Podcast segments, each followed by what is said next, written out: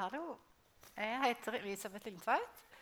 Og jeg har vært så heldig å få lov å være sammen med denne flotte gjengen her dette året. Det har vært utrolig gøy å bli kjent med dere. Og dere er jo spesielt fine i dag, da. Dere, det vet dere. Eh, I dag skal jeg snakke om eh, Jesus som min pappa. Og det er akkurat noe av det jeg håper at dere kjenner på. At dere har lyst til å bli enda bedre kjent med Jesus og kalle han deres pappa etter dette året her. Dere har fått en bibel, og jeg håper dere har lyst til å bruke den. Veldig bra. Jeg skal begynne å lese litt fra Bibelen, fra Lukas. Og det står fra i Lukas 15, og vers 11-24. Der står det om en pappa som tilgir. En mann hadde to sønner.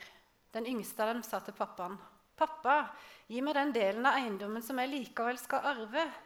Så delte faren rikdommen sin mellom sønnene sine og ga han det han ba om. Ikke mange dager seinere samlet han tingene sine og dro til et annet land langt borte. Der sløste han bort alt han eide på fyll og fest. Og da han hadde brukt opp alle pengene, ble det stor matmangel i landet der han oppholdt seg, og han begynte etter hvert å sulte. Uten penger måtte han se seg om etter en jobb, og han fikk jobb som grisepasser. Han fikk så lite mat at han spiste av maten til grisene, for det var ingen som ga han noe. Da han til slutt tok til vete, innså han hvor dum han hadde vært, og sa til seg sjøl.: Til og med tjenerne hos pappaen min har mat i overflod, og her holder jeg på å sulte i hjel. Nei, jeg får gå hjem til pappaen min og si til han, 'Pappa, jeg angrer på det jeg har gjort.' 'Jeg har sløst bort alt jeg hadde, og det var galt både mot du og mot Gud.' 'Nå er jeg ikke lenger verdig til å kalle sønnen din, men jeg ber deg om å ansette meg som en av dine arbeidere.' Så reiste han og gikk hjem til pappaen. Pappaen fikk øye på sønnen mens han fremdeles var langt unna, og han fikk inderlig medlidenhet med han. Han løp mot sønnen og kasta seg om halsen på han og kysset han. Sønnen sa, 'Pappa, jeg har virkelig rota det til. Jeg har sløst bort livet mitt, og det var galt både mot du og mot Gud.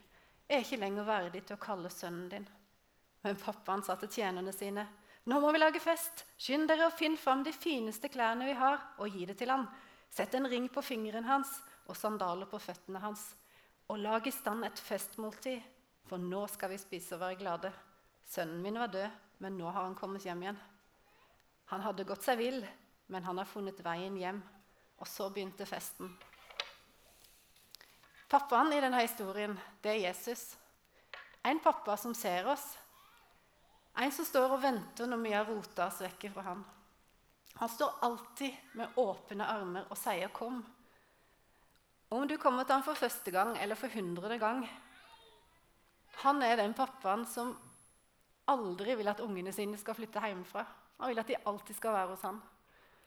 Og vi er bare mennesker som ofte faller i synd, og som fort kjenner på åh, jeg er ikke god nok. Og i hvert fall ikke god nok for Jesus. Men vet du hva? Det handler ikke om å være god nok. For det er ikke ett menneske på denne jorda som er god nok i seg sjøl. Men det handler om hva Jesus har gjort for oss. Han døde på korset og tok på seg alt det gale vi har gjort på seg. Og han vant over døden, og han sto opp igjen. Og på grunn av det, når vi tror på han, så har vi et evig liv etter dette livet på denne jorda. Og Da kan vi få lov til å be til Jesus. Tilgi meg, Jesus, det gale jeg har gjort. Og så tar han det vekk. Og Det handler heller ikke om alt det vi må gjøre for han, for jeg tror det er mange som tror det er at for å være en kristen så må jeg gjøre så mange ting. Men det er ikke det det heller handler om. Det handler først og fremst om hva han kan gjøre for oss. Han har så uendelig mye godt å gi oss. Han har bare gode ting å gi oss. Han ønsker å fylle oss med sin kjærlighet, sin glede og sin fred. Og forvandle oss på innsida, sånn at vi kan elske menneskene rundt oss. Og når vi blir forvandla på innsida og får kjenne på den kjærligheten og den gleden og den freden vi får med å leve med Jesus, da ønsker vi å leve for han. Og da ønsker vi å gi han ære med måten vi lever livet vårt på. Og da ønsker vi ikke lenger å synde. Se for deg de her da, når de var små. Eller dere sjøl når dere var små. Dere husker det kanskje ikke så godt. Men alle små er jo sånn 'Pappa, pappa, se på meg, da! Se på meg nå!' Og så gjør de noe, for de vil jo gjerne få høre hvor flinke de er, og gode de er. ikke sant? 'Se på meg, da! Pappa, se, da!' Og sånn er det faktisk litt fortsatt, tror jeg. Som voksne så trenger vi òg å bli bekrefta. Vi trenger å bli sett. Og vi trenger å vite at vi er verdifulle, at vi er elska, og at vi er gode nok. At vi betyr noe for noen. Det er kjempeviktig. For noen er det kanskje å oppdatere profilbildet på Facebook. Og det er så godt å få de likesa, og så fin du er. Men pappa Jesus, han ser det. Han er en pappa som bryr seg om åssen du har det. Og en som har tid til å lytte. Og ikke minst en som alltid er til stede. Det er ikke alltid vi er helt på, i hvert fall ikke som foreldre. Vi er kanskje litt fjerne. Men Jesus, han er på hele tida. Han elsker oss alltid. Og det er en bestevenn som alltid er der. Og Jeg har opplevd flere ganger at når jeg har bedt til Jesus, og nå jeg virkelig har trengt at han ser, at han ser meg, så har jeg opplevd flere ganger at uh, Jesus har brukt andre mennesker rundt meg til, til, å vise at han bryr seg om meg. Og jeg skal fortelle dere litt personlig. Første gangen jeg opplevde det, det var i Nissedal på camping med familien. En uke campingvogn. og jeg hadde det egentlig ganske kjipt denne uka. Det var så mange ting som var vanskelig og jeg strevde med. Og jeg ba til Jesus, gikk lange turer alene, og tårene rant. og ah, Det var ganske kjipt. Jeg var i hvert fall sikker på at Jesus, du, oh, hvis du er der oppe, hvorfor kan du ikke minst svare meg? da? Jeg følte ikke han så meg i det hele tatt. Og Uka var ferdig, og vi skulle pakke ned alt sammen. Så kommer det ei dame bort til meg. Hun var litt sånn nølende og litt sånn forsiktig. Jeg hadde, ikke, jeg hadde sett hun hadde gått forbi, men det var første gang hun hadde vært der. Jeg hadde ikke med henne, så jeg visste ikke hvem hun var. Og så sier hun, du, 'Jeg tror jeg har noe til deg.' 'Jeg tror jeg har noe til deg for Jesus.' 'Å', sier jeg. Jeg ble jo helt sånn nei, 'Hjelpes, hva er dette for noe?' 'Ja, Beklager at jeg ikke har kommet før. Jeg kjente at jeg skulle ha kommet før med det, men jeg har ikke tort å gjøre det, for jeg, kjente deg jo ikke heller.' Og jeg syntes det var litt skummelt. Og så viste hun meg mobilen sin, og der sto det Det begynte med var langt regle, liksom, og så sto det på toppen 'Jesus ser deg'. Og Det var akkurat det jeg følte at ikke han gjorde. Det var viktig for han å få sagt det først og fremst, at han så meg. Og videre så sto det 'Han samler alle tårene dine'. Og jeg hadde grene mange tårer denne uka. Han hadde samla dem. Og han, ned igjennom så var det bare gode ting som gikk rett inn i den situasjonen jeg var i. Og Jeg ble så velsigna, jeg ble så glad. Og det gjorde hun dama òg. For jo, da skjønte hun at det var jo riktig. Jeg måtte jo dele det. Og det er så godt å få sånne bekreftelser. Og det er sånn dere kan minne seg på når ting er vanskelig, når ting er litt kjipt. Nå skal dere få se noen av konfirmantene fortelle litt om hvem Jesus er for dem.